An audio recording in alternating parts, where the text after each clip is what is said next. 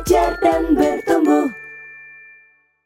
Wah, eee, selamat malam teman-teman Tabula semuanya. Wah, saya harap nih teman-teman semua sedang dalam kondisi yang baik dan berbahagia ya. Saya mewakili tim Tabula juga ingin mengucapkan terima kasih nih yang sebanyak-banyaknya kepada teman-teman Tabula semua atas antusiasmenya uh, teman-teman semua dalam mengikuti Tabula Talk hari ini. Nah, uh, dalam memulai karir nih, mungkin nih banyak nih dari kita uh, yang bingung nih, apa ya yang harus dilakukan pertama kali? Gimana sih cara agar lamaran kita dilirik? Wah, pas banget nih teman-teman. Pertanyaan-pertanyaan ini bakal dikupas tuntas oleh narasumber kita yang super kece, yaitu Kak Clarissa. Wah, beliau ini merupakan talent acquisition dan employer branding di PT Kalbe Pharma Tbk. Wah, keren banget ya, teman-teman. Uh, selamat malam, Kak Clarissa. Uh, halo, halo, selamat malam. Kak Vera, teman-teman semuanya. Uh, Kak Clarissa gimana nih kabarnya hari ini? Semoga Baik. dalam keadaan yang berbahagia ya. Baik. Iya, semoga uh, Kak Vera juga sama teman-teman semuanya juga dalam keadaan yang pastinya sehat ya dan selamat berbuka puasa juga bagi teman-teman yang saat ini sedang menjalankan ibadah puasa ya. Wah, terima kasih ya. Terima kasih banyak Kak Clarissa. Uh, mungkin boleh nih Kak Clarissa cerita sedikit uh, gimana nih sepak terjang Kak Clarissa di dunia perkariran? Oke, jadi uh, kalau aku boleh flashback sedikit gitu ya, jadi sekalian perkenalan diri aja kali ya. Jadi uh, teman-teman semuanya saat ini memang aku as a talent acquisition atau mungkin teman-teman lebih familiar dengan kata-kata recruiter gitu ya atau rekrutmen uh, di rekrutmennya. Tapi sebelum as a, jadi recruiter di Kalbe Pharma, uh, sebelumnya secara memulai karir aku lebih banyak di learning and development gitu atau di people development atau kalau teman-teman familiar mungkin di bidang training gitu. Jadi uh, waktu itu satu tahun di consultant training lalu beranjak ke dunia properti di sana satu tahun juga as a learning and development. Lalu di tempat yang saat ini yaitu di Kalbe Pharma uh, sudah dua tahun lebih ya itu di talent acquisition sendiri gitu. Secara karir mungkin uh, kayak gitu kali ya gambarannya. Wah, keren banget nih Kak Clarissa. Udah memulai uh, dunia perkariran di mana-mana. Nah, mungkin nih Kak, uh, kan sesuai dengan kita hari ini ya. Uh, banyak nih Kak dari kita yang bingung nih, uh, benar nggak ya yang kita lakukan pertama kali pada saat memulai karir? Sebetulnya nih Kak, apa ya yang harus kita lakukan pada saat kita pertama kali memulai karir? Oke, ya mungkin ini juga tadi kalau aku sempat lihat uh, dari ketika teman-teman berkenalan juga harapannya jadi pengen tahu gitu ya gimana ya cara yang memulai dalam dunia karir gitu. Uh, sebenarnya sih gampangnya adalah teman-teman tuh harus tahu dulu minatnya teman-teman itu di area mana gitu. Jadi kenapa sih hal itu jadi penting gitu? Karena kan sebenarnya ketika teman-teman mau memulai karir, jangan sampai juga dong teman-teman tuh salah dalam mengambil langkah. Pastinya kan nggak mau ya kalau kita tuh salah gitu ngambil langkahnya gitu. Kita maunya uh, karirnya karirnya itu uh, istilahnya pijakan awal kita dan harapannya itu kita tuh bisa lama gitu kan long lasting di karir tersebut gitu kan ya. Nah, apa sih yang sebenarnya harus diketahui ya balik lagi. Pokoknya satu tahu dulu minatnya teman-teman itu apa gitu. Jadi dasar uh, dari sebelum kita tahu atau mulai karir, itu tahu dulu minat kita apa. Itu sih yang menurutku yang paling penting ya. Berarti uh, kita juga uh, boleh nih milih-milih uh, uh, bidang mana aja nih yang kita pengen dalemin gitu ya kayak. Ya? Iya betul betul. Jadi, uh, harus tahu juga nih sebenarnya aspek, uh, atau area mana sih yang sebenarnya teman-teman tuh pengenin gitu. Itu penting sih untuk ketika teman-teman tuh mau mulai karirnya teman-teman gitu. Hmm.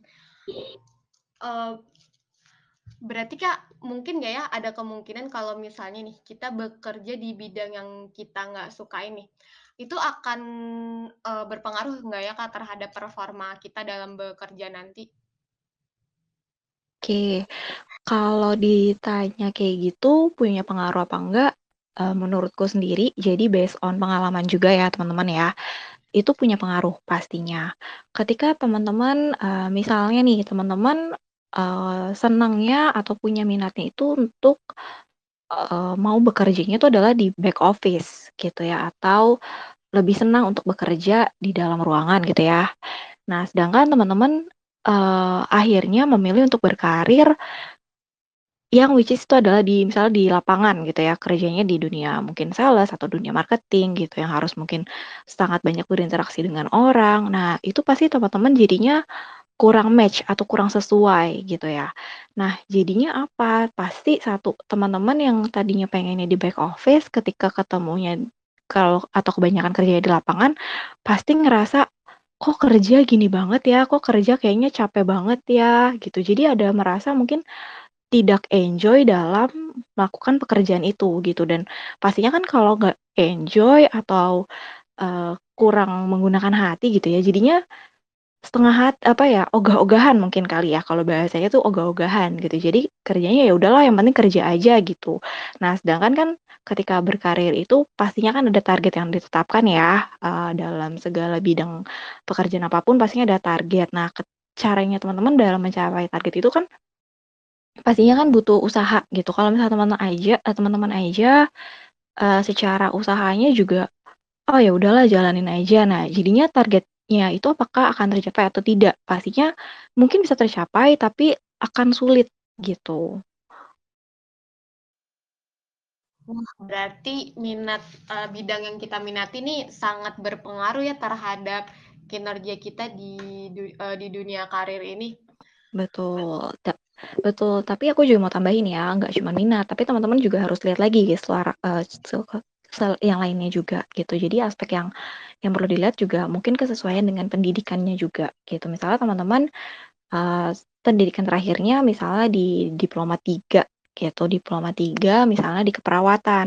Nah, teman-teman bisa tahu dong diploma 3 keperawatan itu, eee, kira-kira punya Karir yang apa aja sih sebenarnya? Apakah harus benar-benar jadi perawat atau, "Oh ternyata saya nggak terlalu suka sih di bidang, eee, klinisi atau benar-benar bidang untuk ketemu pasien. Oh tapi ternyata saya sukanya itu mungkin bekerjanya di balik, eee, atau di back office." Nah mungkin teman-teman juga perlu tahu dulu gitu, mungkin teman-teman kayak, "Oh iya saya sih D3 keperawatan." Mungkin kalau D3 keperawatan banyaknya jadi perawat gitu, tapi ternyata secara minat teman-teman kurang merasa nyaman ketika harus melayani atau berhadapan dengan pasien. Nah mungkin teman-teman juga bisa cari loh pekerjaan yang memang membuka peluang bagi teman-teman yang D3 keperawatan ini di bidang, eee, yang non di istilahnya yang non perawat gitu. Contoh misalnya di, eee, mungkin jadi admin atau jadi, eee, tim sales, nah itu juga bisa kayak gitu, atau di bidang farmasi gitu. Nah itu juga bisa sih untuk, eee, ke arah sana gitu. Mmm, berarti, eee, penting juga ya untuk melihat, eee, pel eee, peluang dari jurusan kita tuh ke arahnya, eee, ke arah mana saja, sesuai nggak sih ini ke, eee, bidang yang kita minatin gitu? Kenapa? Gimana, Sep? Sorry tadi suaranya agak kecil.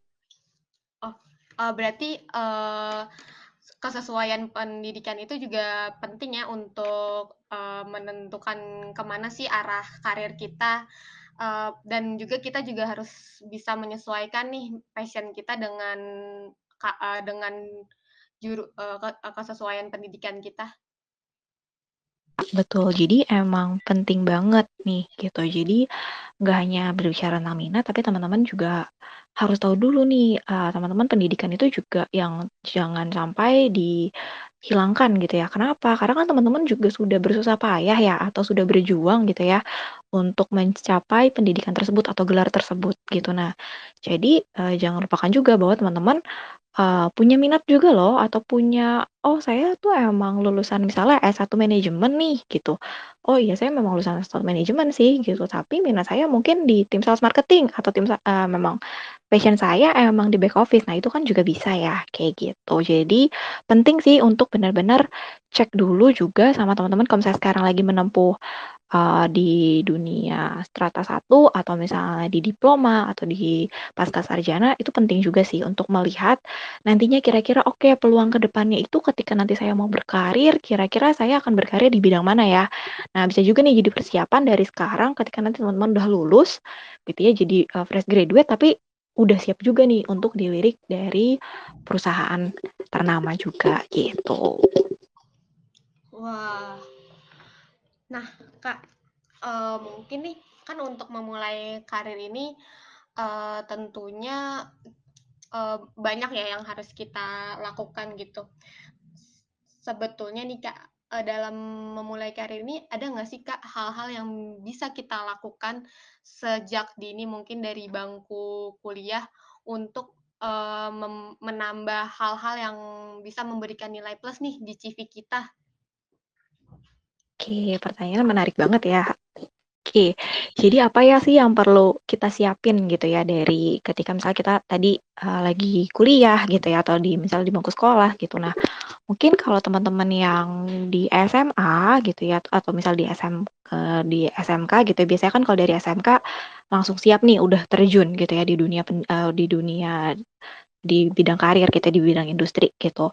Nah, mungkin teman-teman kalau yang di SMK itu bisa jadi sih untuk uh, ikut dalam ke OSIS gitu misalnya uh, OSIS kan pasti ada ya. Nah, bisa juga nih ikut OSIS. Nah, atau kepanitiaan lain itu juga bisa. Atau kalau di SMK itu setauku ya, itu ada yang namanya uh, kuliah kerja praktek gitu. Jadi ada yang memang praktek langsung di perusahaan gitu atau misalnya di bidang instansi pemerintah. Nah, itu juga bisa. Nah, jadi teman-teman itu kumpulin aja sebanyak-banyaknya magang gitu.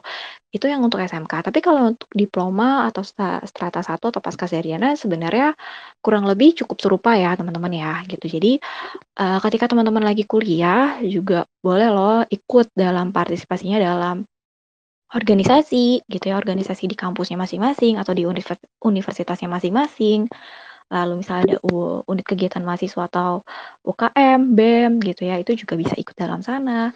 Dan juga pastinya teman-teman, uh, aku sarankan sih untuk coba magang gitu. Kenapa magang ini jadi hal yang penting gitu? Karena teman-teman satu jadi tahu nih, oh dunia kerja tuh sebenarnya seperti apa ya gitu.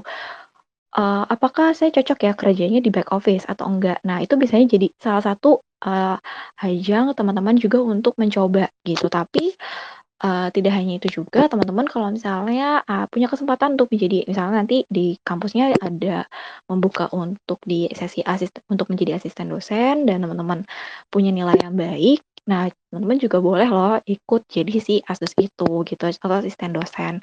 Karena apa? Karena pasti itu jadi nilai plus juga gitu bahwa teman-teman itu aktif gitu, jadi aktif ketika kuliah, uh, dan pastinya kan kita juga mau tahu ya gitu as a recruiter kita juga mau tahu gitu. Kenapa sih teman-teman kok aktif ya ketika kuliah gitu. Itu sih mungkin salah satu saran yang bisa aku share ya ke teman-teman semuanya. Berarti uh, pengalaman-pengalaman kepanitiaan, organisasi, magang dan lain-lain itu sangat penting banget ya untuk menambah uh, nilai plus gitu di CV ya.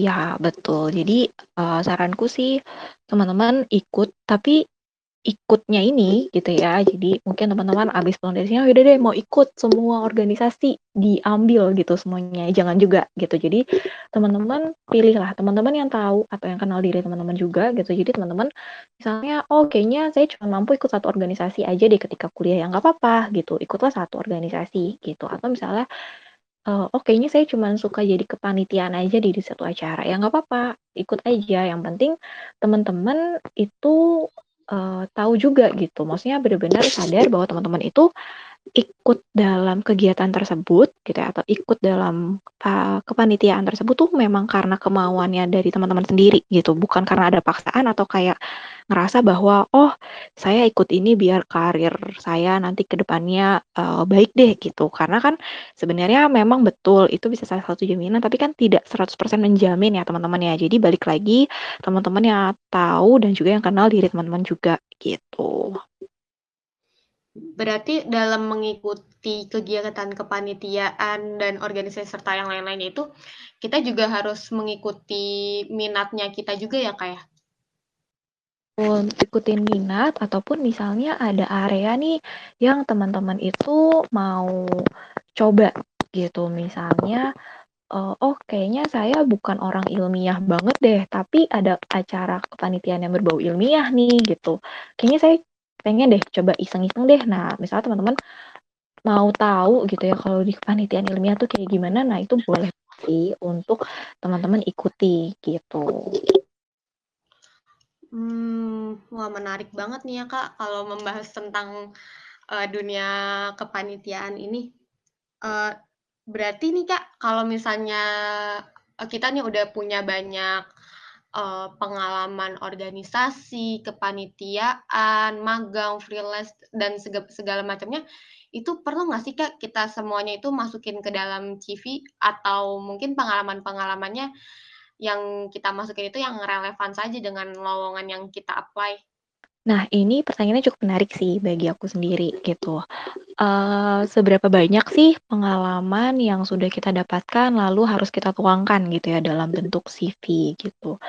Nah, teman-teman ini perlu teman-teman tahu juga nih, eee, kita as a kami as a recruiter itu tidak terlalu punya banyak waktu untuk benar-benar baca secara detail gitu. Jadi, eee, saran aku sih masukin yang emang top 3-nya dari teman-teman gitu. Kenapa sih top 3 gitu ya?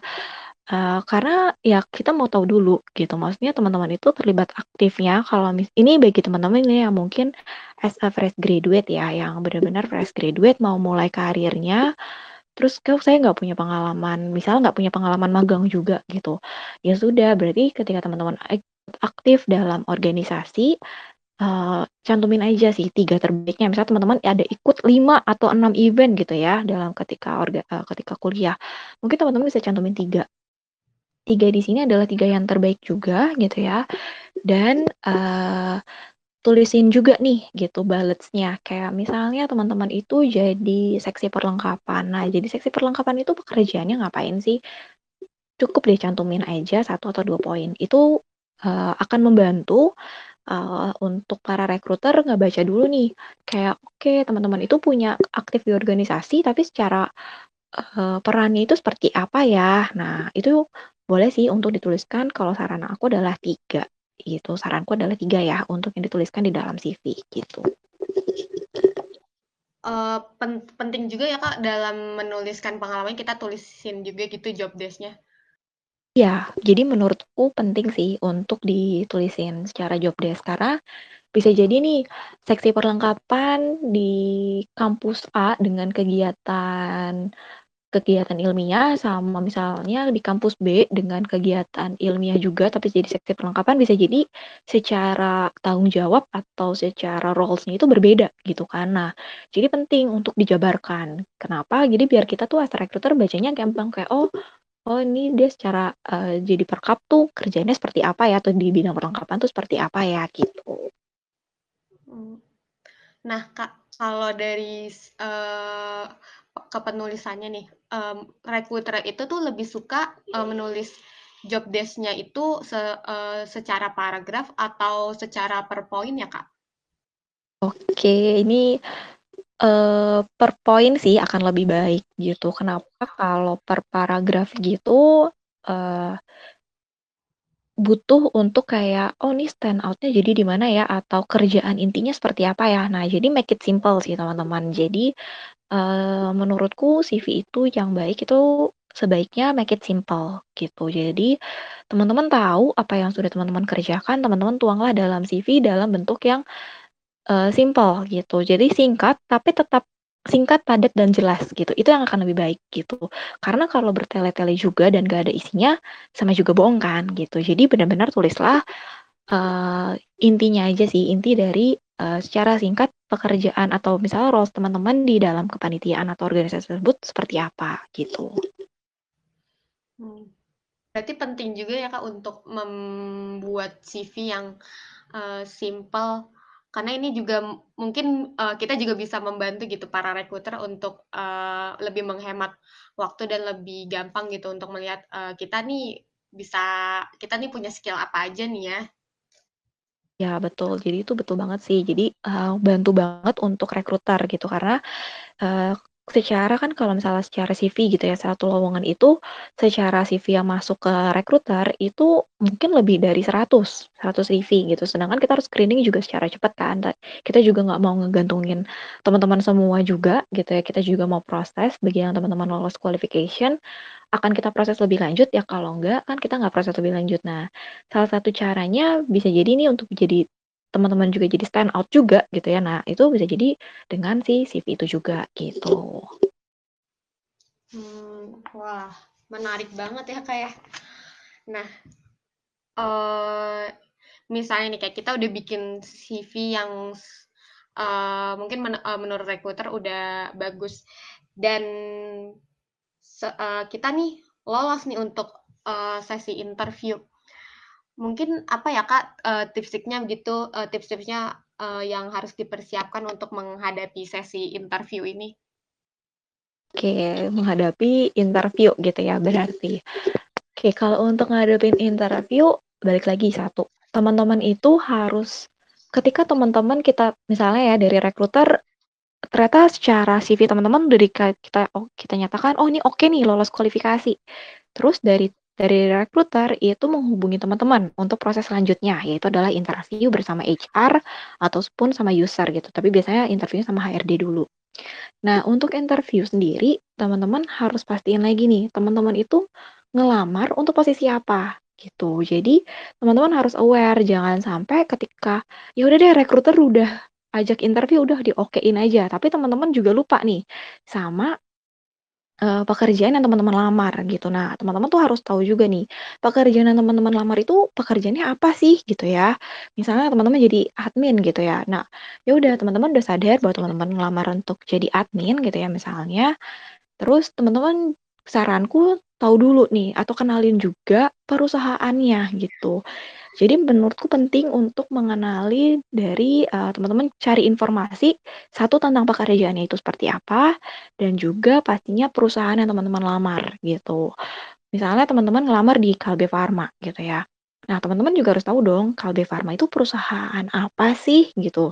Jangan sampai nih teman-teman nanti misalnya ditanya gitu ya, kan nggak semua rekruter juga nih nanya tentang perusahaannya, tapi ada rekruter misalnya nanya gitu, menurut kamu Kalbe itu misalnya ya contoh ya, misalnya menurut kamu tuh Kalbe Farma tuh perusahaan apa sih? Nah, teman-teman ternyata nggak tahu nih karena misal teman-teman asal apply gitu. Nah, itu kan jadi mengurangi poin ya, teman-teman.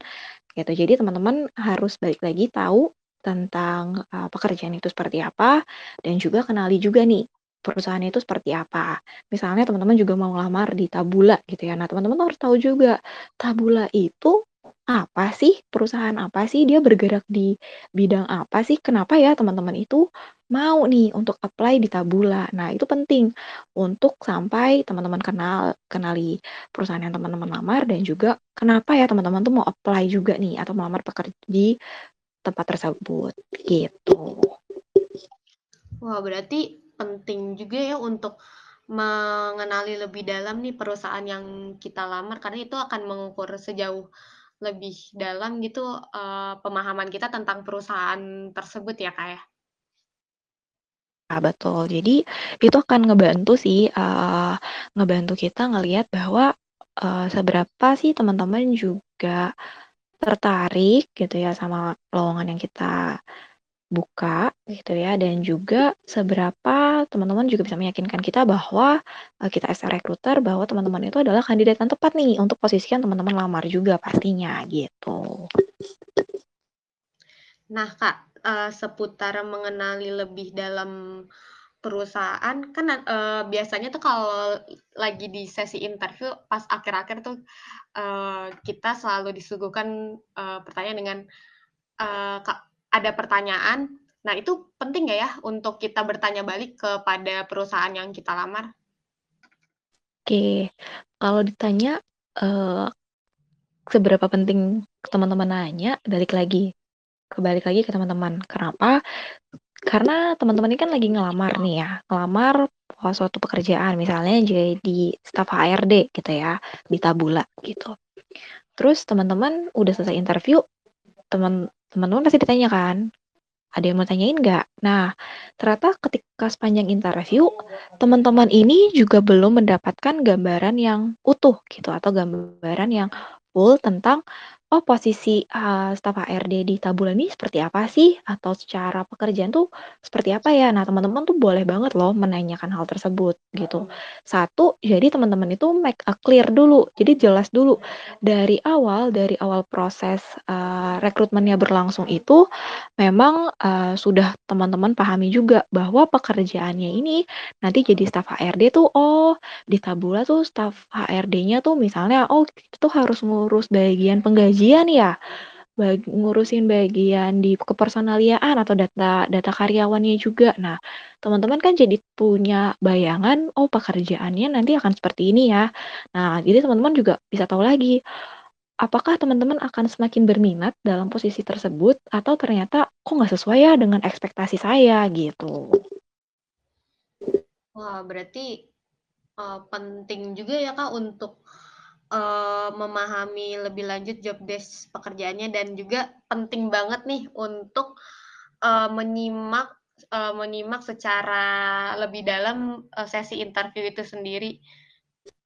Iya, betul. Tapi, uh, balik lagi gini, kalau ternyata di lowongan pekerjaannya itu sudah terca tercantumkan dengan jelas gambaran pekerjaannya gitu ya, uh, teman-teman kalau nanya lagi terkesan teman-teman kok jadinya nggak baca lowongan pekerjaannya ya gitu.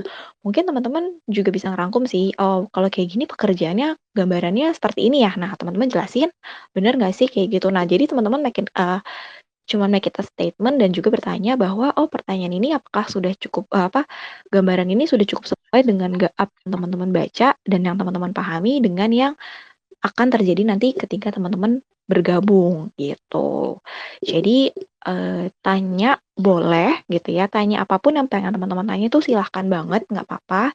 Tapi pastikan bahwa pertanyaan yang teman-teman tanyakan itu memang informasi yang teman-teman butuhkan secara lebih dalam atau lebih lanjut gitu. Jangan sampai mengulang nih apa yang ada di lowongan pekerjaan gitu. Misalnya nanya, "Bu, saya mau nanya, kalau gitu ini lowongan hanya untuk S1 manajemen ya?" Nah, itu kan padahal teman-teman udah jelas-jelas di kualifikasinya tertulis misalnya kita hanya menerima misalnya lulusan dari S1 manajemen gitu. Nah, itu kan mempertanyakan hal yang tidak perlu ditanyakan kembali ya, karena kan teman-teman sudah tahu bahwa teman-teman itu diproses ya karena pasti sudah lolos dari kualifikasi yang ada gitu. Kayak gitu sih. Hmm, berarti penting juga ya untuk uh, melihat kembali nih job desk yang job desk pekerjaan yang kita apply. Jangan sampai kita itu nanyain hal-hal yang udah ada jawabannya di job desk itu sendiri. Betul, karena kalau enggak nanti itu jadi kayak jadinya nih orang gimana sih? Jadi kayak teman-teman tuh kan dipertanyakan juga gitu. Apakah teman-teman sudah benar-benar memahami atau asal-asalan aja nih dalam uh, istilahnya mengapply pekerjaan tersebut gitu. Wah, berarti ini benar-benar ini salah satu hal yang harus dihindari ya pada saat sesi interview. Iya, sebaiknya sih tidak perlu mengulangi pertanyaan yang memang ada di dalam uh, lowongan tersebut ya, kalau sudah jelas gitu. Nah, ngomong-ngomong hal-hal yang harus dihindari nih Kak, sebetulnya apa aja nih Kak hal-hal yang harus dihindari pada saat uh, persiapan interview ataupun pada uh, berlangsungnya sesi interview itu sendiri? Oke, apa sih yang perlu dihindari gitu ya? Uh, pertanyaannya cukup sulit ya sebenarnya ya. Kalau yang dihindari sih sebenarnya hindari teman-teman bahwa teman-teman tuh uh, kurang paham atau kurang yakin dengan posisi tersebut. Jadi atau jangan sampai teman-teman itu melamar karena asal ngelamar gitu. Jadi kayak ya udahlah daripada nggak dapat kerjaan coba-coba aja gitu. Uh, karena jadinya nanti teman-teman akan terjebak gitu. Satu uh, kita panggil teman-teman mungkin secara kualifikasi teman-teman sudah lolos gitu ya. Tapi ternyata ketika interview kita pun jadi as a recruiter akan ragu nih. Teman-teman ini benar-benar hmm, minat nggak ya di job ini atau sebenarnya cuma coba-coba doang gitu. Jadi kita akan mempertanyakan, nah bisa jadi kan nanti teman-teman gak akan lanjut ke proses selanjutnya gitu kan. Dan juga yang perlu dihindari ya teman-teman kalau sekarang ini kan untuk situasi after uh, atau selama pandemi ini banyaknya itu adalah interviewnya secara online gitu ya atau vir melalui virtual video call biasanya lah ya. Nah teman-teman pastikan uh, bahwa teman-teman itu sudah paham dulu nih sama aplikasi yang mau digunakan gitu ya. Siapin dulu semua perangkatnya gitu ya. Dengan baik mungkin di testing dulu gitu ya. Dan juga pastinya siapkan diri teman-teman gitu. Uh, siapkan nanti apa? Teman-teman tuh jangan sampai lagi mau interview gitu ya. Terus tapi pakaiannya tuh pakaiannya sangat nyantai. Nah, itu juga jangan gitu. Atau ya udahlah gara-gara virtual kayaknya nggak perlulah dandan banget kalau yang cewek-cewek gitu ya. Yang cewek-cewek nggak perlulah dandan dandan banget. Nah tapi teman-teman tuh harus tetap terlihat rapi loh gitu. Ataupun yang cowok-cowok nih ya udahlah nggak usah lah pakai pomade nggak usah lah pakai gel. Nah mungkin teman-teman betul nggak usah pakai pomade nggak usah pakai gel tapi tetap aturlah rambutnya teman-teman tuh secara rapi. Karena yang kami bisa nilai juga pastinya kan dari penampilan juga ya ketika kita interview gitu ya. Karena kan kita juga mau tahu nih uh, secara penampilan teman-teman itu seperti apa ya penampilannya gitu.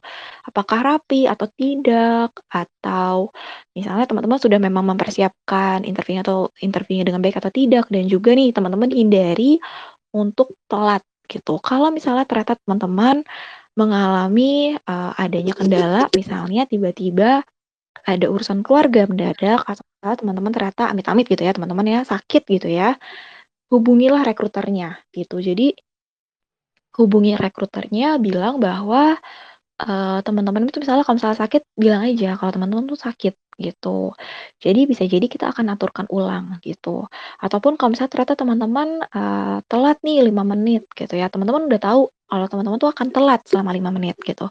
Diinfokan aja ke rekruternya gitu karena uh, dari rekruter pun juga pastinya akan menginformasikan teman-teman semuanya ke para kandidat juga kalau misalnya ternyata interviewnya itu mengalami keterlambatan gitu. Karena kan kita maunya tidak hanya dari pihak perusahaan juga dong yang menguntungkan tapi dari pihak uh, teman-teman sebagai kandidat pun juga diuntungkan gitu. Jadi karena kita berdua nih mau sama-sama membuat ini menjadi uh, enak gitu ya. Nah, kita yuk kita sama-sama ngomong aja teman-teman. Kalau misalnya teman-teman ternyata telat gitu ya atau misalnya ternyata ada hal lain yang teman-teman ternyata di luar kontrol teman-teman sehingga harus di cancel atau di reschedule ngomong aja ke rekruternya. Pasti nanti dari rekruter uh, akan coba cari jadwalnya kok gitu. Dengan uh, usernya ini atau misalnya kita akan cari jadwal dari antara rekruter sama kandidatnya ini juga gitu. Berarti komunikasi ini juga uh, salah satu aspek yang penting ya dalam keberlangsungan ataupun kelancaran sesi interview ini. Betul, komunikasi sama penampilan ya. Jangan lupa sama penampilan itu sendiri gitu karena balik lagi uh, kita juga karena kan teman-teman mau bekerja ya, mau berkarir. Nah, jadi pilihkanlah diri teman-teman juga dalam area yang profesional juga pastinya gitu. Wah, menarik banget nih Kak untuk tips dan trik sesi interviewnya.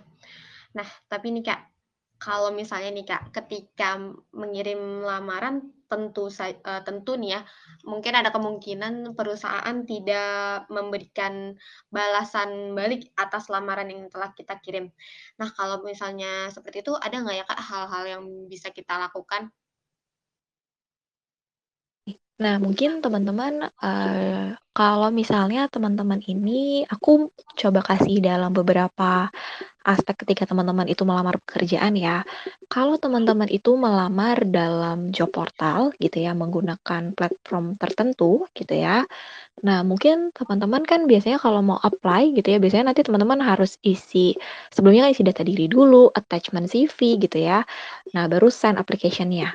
Nah, biasanya teman-teman itu akan tahu nih kalau pakai job portal biasanya kalau misalnya memang uh, dari pihak rekrutmen atau rekruter itu belum memproses biasanya terlihat atau misalnya teman-teman ternyata sudah diproses tapi teman-teman itu di-reject atau ditolak. Nah, itu biasanya ada ada statusnya gitu.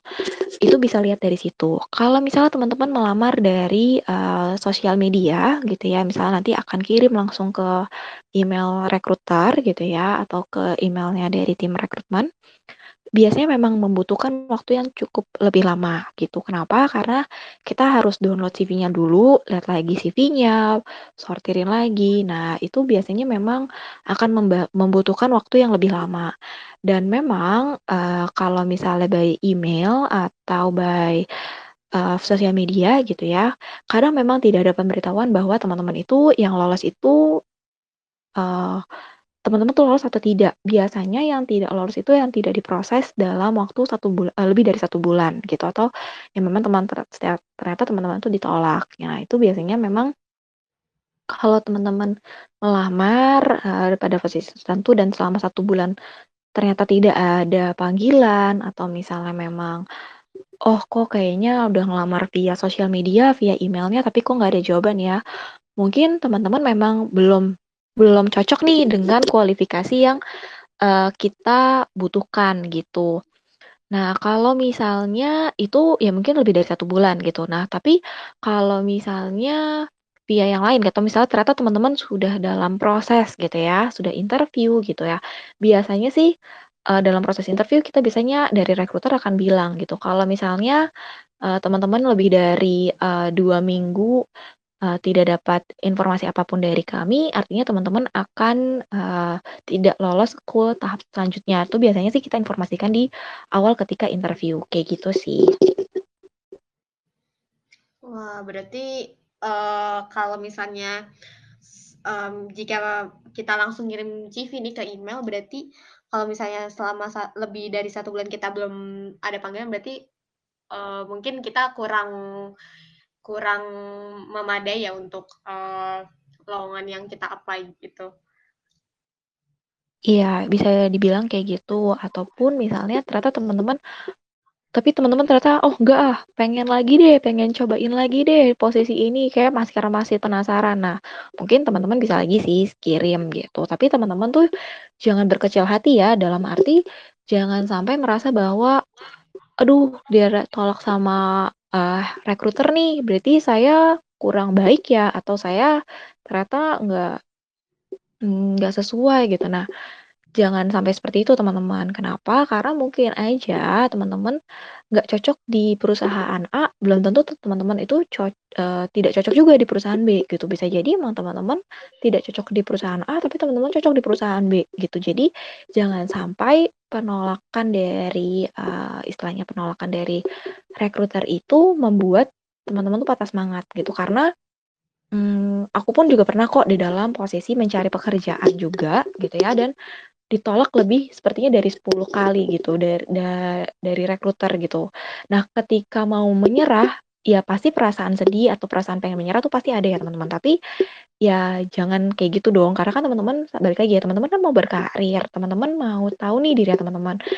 Uh, jangan sampai hal tersebut membuat teman-teman jadi berputus asa, jadi merasa atau memandang diri teman-teman tuh kayak oh ya udah deh karena saya udah ditolak dari berbagai perusahaan, mungkin saya emang nggak uh, akan dilirik ya sama perusahaan mana pun ya jangan gitu juga. Siapa tahu nih ternyata teman-teman udah ditolak dari 10 perusahaan 10 perusahaan ternyata di perusahaan ke-11 ini teman-teman tuh diterima gitu. Nah itu kan jadi momentum yang jadinya kok uh, apa ya kalau teman-teman nyerah jadinya kepalang tanggung gitu. Nah teman-teman tuh harus terus coba terus gitu. Jangan sampai teman itu menyerah atau berputus asa sih gitu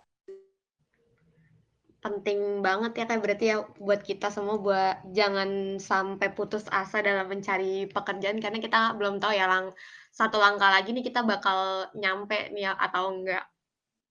Ya, betul banget, gitu. Uh, keren banget nih Kak pemaparan, uh, Kakak, uh, Kak Clarissa dalam, uh, 40 menit. Belajar dan bertumbuh